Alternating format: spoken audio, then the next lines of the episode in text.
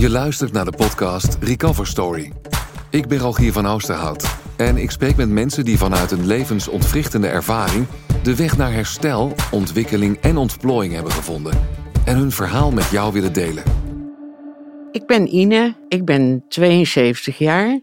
Ik heb een relatie met mezelf. Ik heb een dochter, een prachtige dochter en twee kleinkinderen.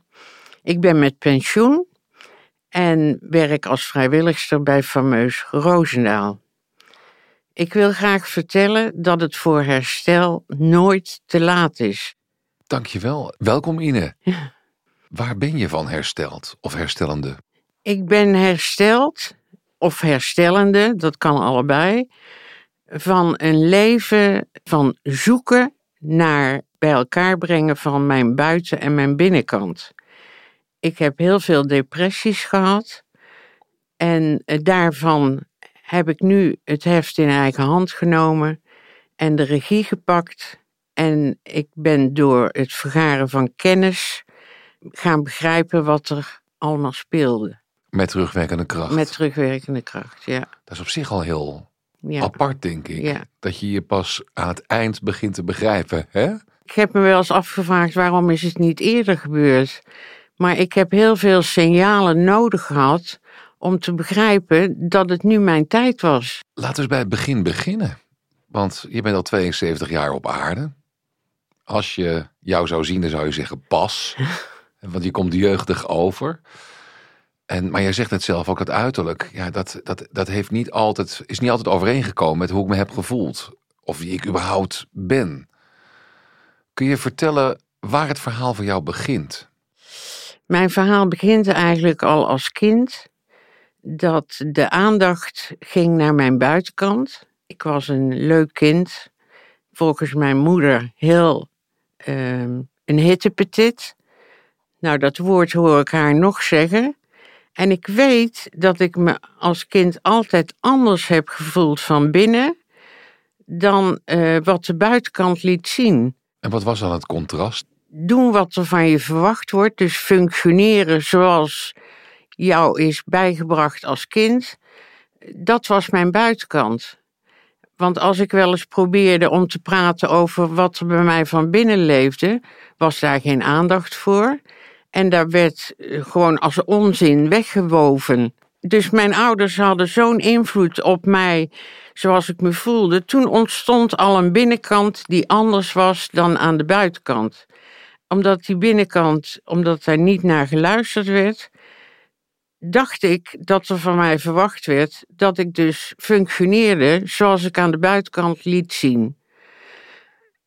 Dat heb ik eigenlijk volgehouden tot uh, een paar jaar geleden. Jee. En altijd uh, gevoeld, er klopt iets niet. En ik wilde ontdekken wat die binnenkant mij wilde vertellen. Ja. En daar ben ik nu een beetje aan het achterkomen. Wauw. Ja.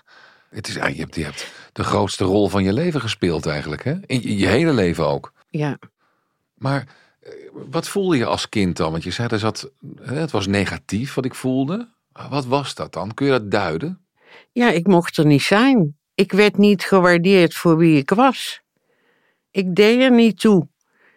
Ik ben opgegroeid in een gezin met twee broers en één zus.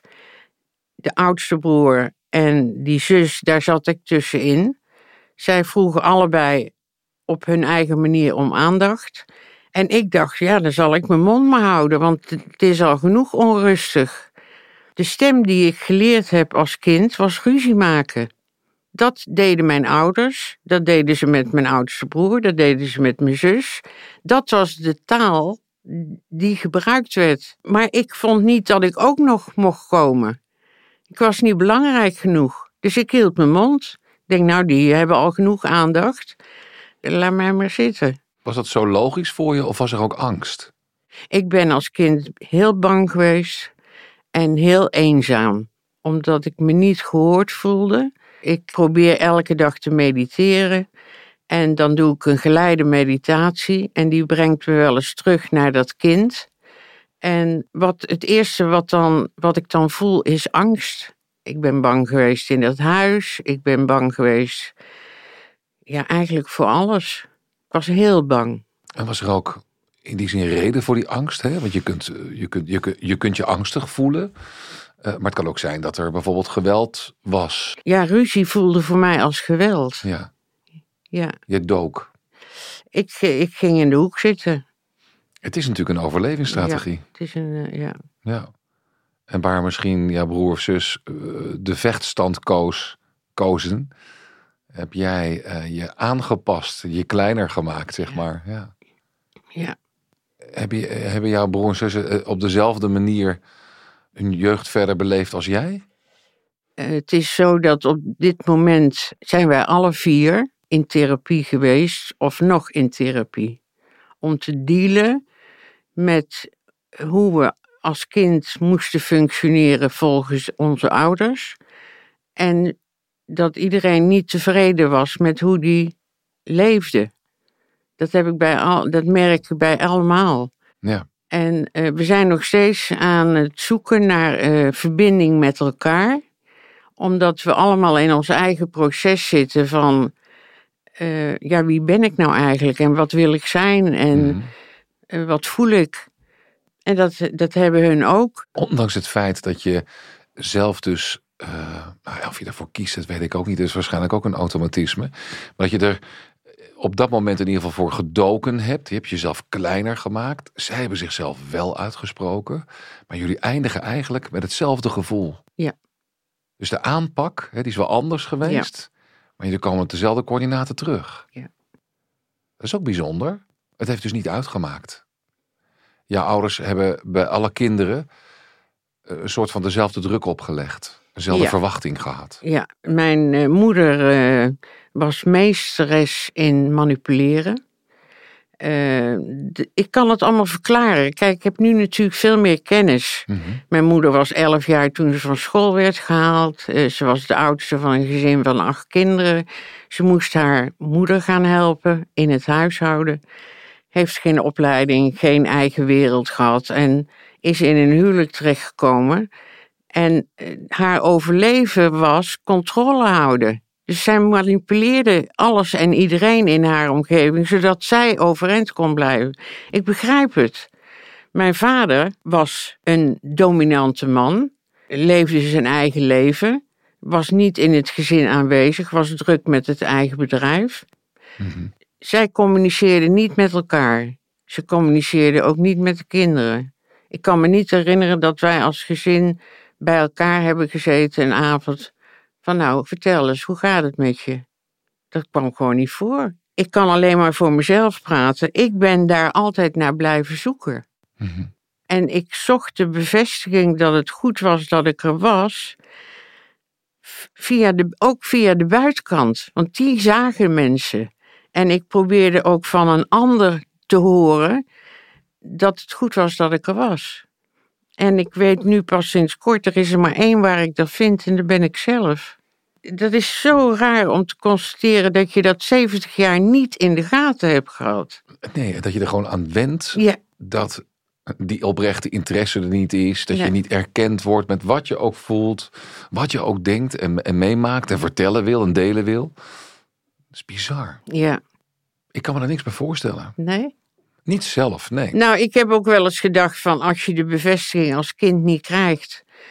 Het is bijna onmogelijk om dat bij jezelf te vinden. Na een heel leven zoeken. Ja. Bijna onmogelijk. Ja. Maar ik heb, het, ik heb het gered. Ik vind het onvoorstelbaar. Ja, ik heb het gered. En daar ben ik heel trots op. Ja. Nou, absoluut. Ja. ja. Het heeft heel wat gekost. Ik heb iedereen vergeven waar ik last van had. Wat moeilijk voor me was, wat ik eigenlijk niet wilde. Want ik was er zelf bij. Alleen was dat zelf zo klein en zo onbelangrijk. Ik praatte altijd vanuit de hoek van een kamer waar ik op mijn hurken zat. En dat, dat hoorde niemand. En om dan te durven gaan staan en, en wel te vertellen dat, dat je echt toe doet, dan moet je het eerst bij jezelf vinden. Ik doe er toe. En Jij doet kan, ertoe, ja. ik kan het nu zeggen. Ja. Wauw. Wat Ja. mooi. Poeh, er zit een hele periode tussen. 72 jaar. Ja, Totdat je dit zegt en dat ook niet eens zonder zucht. Het komt van diep. ja. Ja. Hoe was jouw puberteit, Ine? Ik was eenzaam in mijn puberteit. En had weinig echte vriendinnen. Ik had het gevoel dat ik nergens echt bij hoorde. Ik functioneerde wel aan de buitenkant nog steeds, zoals ik als kind al deed. Maar het was niet mezelf. Er werd niet gepraat. Het voorbeeld nu, waardoor ik dat weet, is het gezin van mijn dochter. Als ik daar ben, dan zitten ze bij elkaar, er wordt gepraat, er is interesse voor elkaar, er wordt naar elkaar geluisterd. Dan ben ik vaak ontroerd als ik dat meemaak, want dan denk ik, dat is nou juist wat ik gemist heb. Praten over wie ben ik, eh, jezelf mogen ontdekken, de kans krijgen om überhaupt na te denken Een mening te mogen vormen. je mening mogen vormen, nadenken. Ja, de buitenkant deed dat wel. Maar van dat stuk van binnen wat er zo graag uit wilde, dat, kwam, dat, dat kreeg geen kans. Dus je, je, je had daar geen eigen denkruimte in. Nee. Wat gebeurde er nou letterlijk dan bij jouw ouders? Dus als je zei, ik ben het hier niet mee eens. Of Ik zat dus een keer een brief te schrijven naar wat toen mijn vriend was, later mijn man, dat ik het niet wilde, die relatie. Dat ik me daar nog niet, eh, dat ik dat ze vroeg vond. En toen kwam mijn moeder binnen, wat ben je aan het doen? Ik zei wat ik aan het doen was en zij scheurde die brief kapot. zonder woorden verder? Ja, zonder woorden, van dat moet je niet doen, dat is een goede man en eh, een goede vriend. Maar dat kwam nu, denk ik, de vrouw was in die periode niet belangrijk. Je moest blij zijn dat je man had. Ik was in ieder geval al onder de pannen, dus ze waren van mijn verantwoording af. Ja. Maar je bent uiteindelijk die relatie aangegaan. Hè? Want tussen toen, die puberteit en nu, zit, zit een hele tijd. Hè? Ja, Ja. Een leven waarin je dus een hele langdurige relatie hebt gehad met deze man. ja, En, en nog eens een relatie. Maar tijdens die relaties ben je ook nog altijd niet jezelf geweest. hè? nee. Ik ben altijd op zoek geweest naar mezelf. Dat zoeken, dat nam mij in beslag. Ja, hoe zoek je dan? Dat wist ik dus niet. Waar vind ik mezelf? Ik kon daar geen handen en voeten in krijgen. Ik heb in die tijd ook veel fobieën gehad. Ik eh, had een sociale angst, want ik was eigenlijk twee personen. Aan de buitenkant en aan de binnenkant. Wat zit er nou eigenlijk van binnen? Ik kon daar geen woorden aan geven. Ik kon het niet uitleggen, ook niet voor mezelf. En daar kwam eigenlijk pas verandering in toen ik trainingen ben gaan volgen om te kijken naar dat proces waarin ik zat. Eerst heeft mijn lichaam me nog heel veel proberen te vertellen. Ik heb tussen 2012 en 2019 zeven operaties gehad, waarvan de laatste was borstkanker.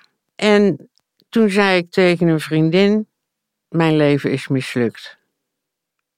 En toen hoorde ik mezelf pas: van wat zeg ik nou toch? Dit kan niet voor niks geweest zijn. Mijn lichaam probeerde mij te vertellen van Ien, stop ermee. Je doet mij geweld aan. En dus ook jezelf.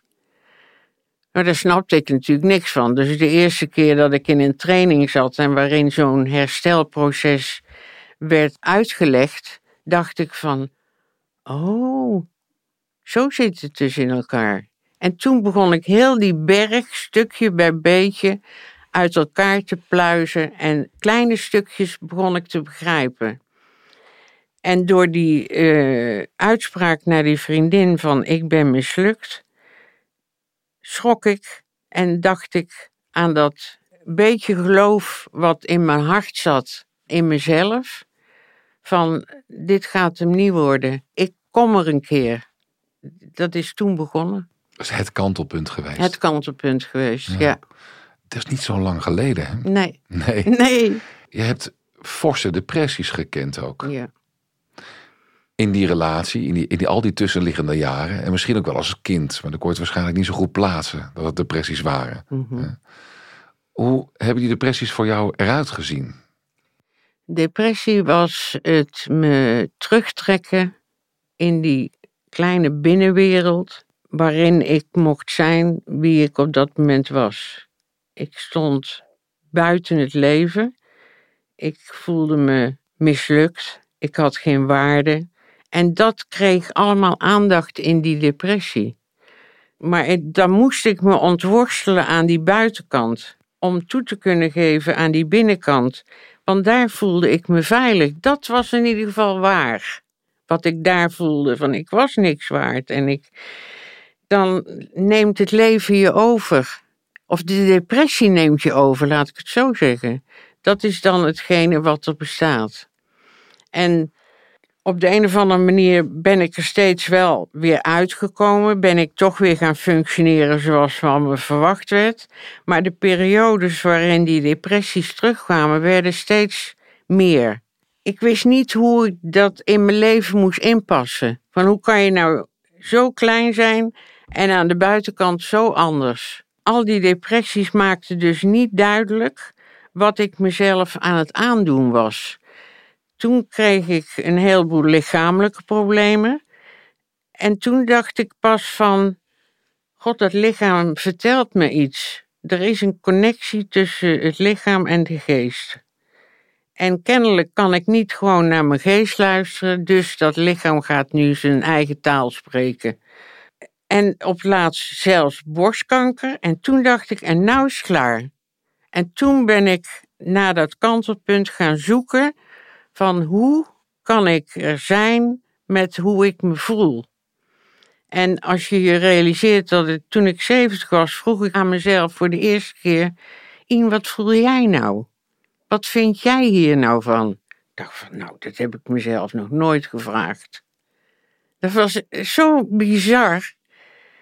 Maar ik wilde het wel weten. Dus mijn nieuwsgierigheid na al dat zoeken was zo groot dat ik toen gelukkig op de goede weg kwam. Dat ik kwam bij mensen die snapten hoe ik in het proces zat en hoe ik daar wat mee kon doen. En dat was voornamelijk de boodschap in pak het stuur in eigen handen. Neem je eigen regie. Dat is een enorm kantelpunt, hè? ja, uiteindelijk. En maar, maar je zegt, ja, eh, het was voor de eerste keer dat ik mezelf de vraag hoorde stellen. Wat vind jij er nou van? Wil je zeggen dat er al die jaren nooit iemand is geweest die benieuwd is geweest of heeft doorgegraven naar jouw echte eigen mening, je echte gevoelens of gedachten? Nee. En ik, misschien is dat wel de hoofdreden van de depressies, omdat ik daar zo naar hunkerde. En er keer op keer in bevestigd werd Ja, door al die mensen in jouw omgeving die daar Ja. nooit naar vroegen, Nee. nooit nieuwsgierig Nee. waren. Nee. En dan ga je het op een gegeven moment wel geloven ook.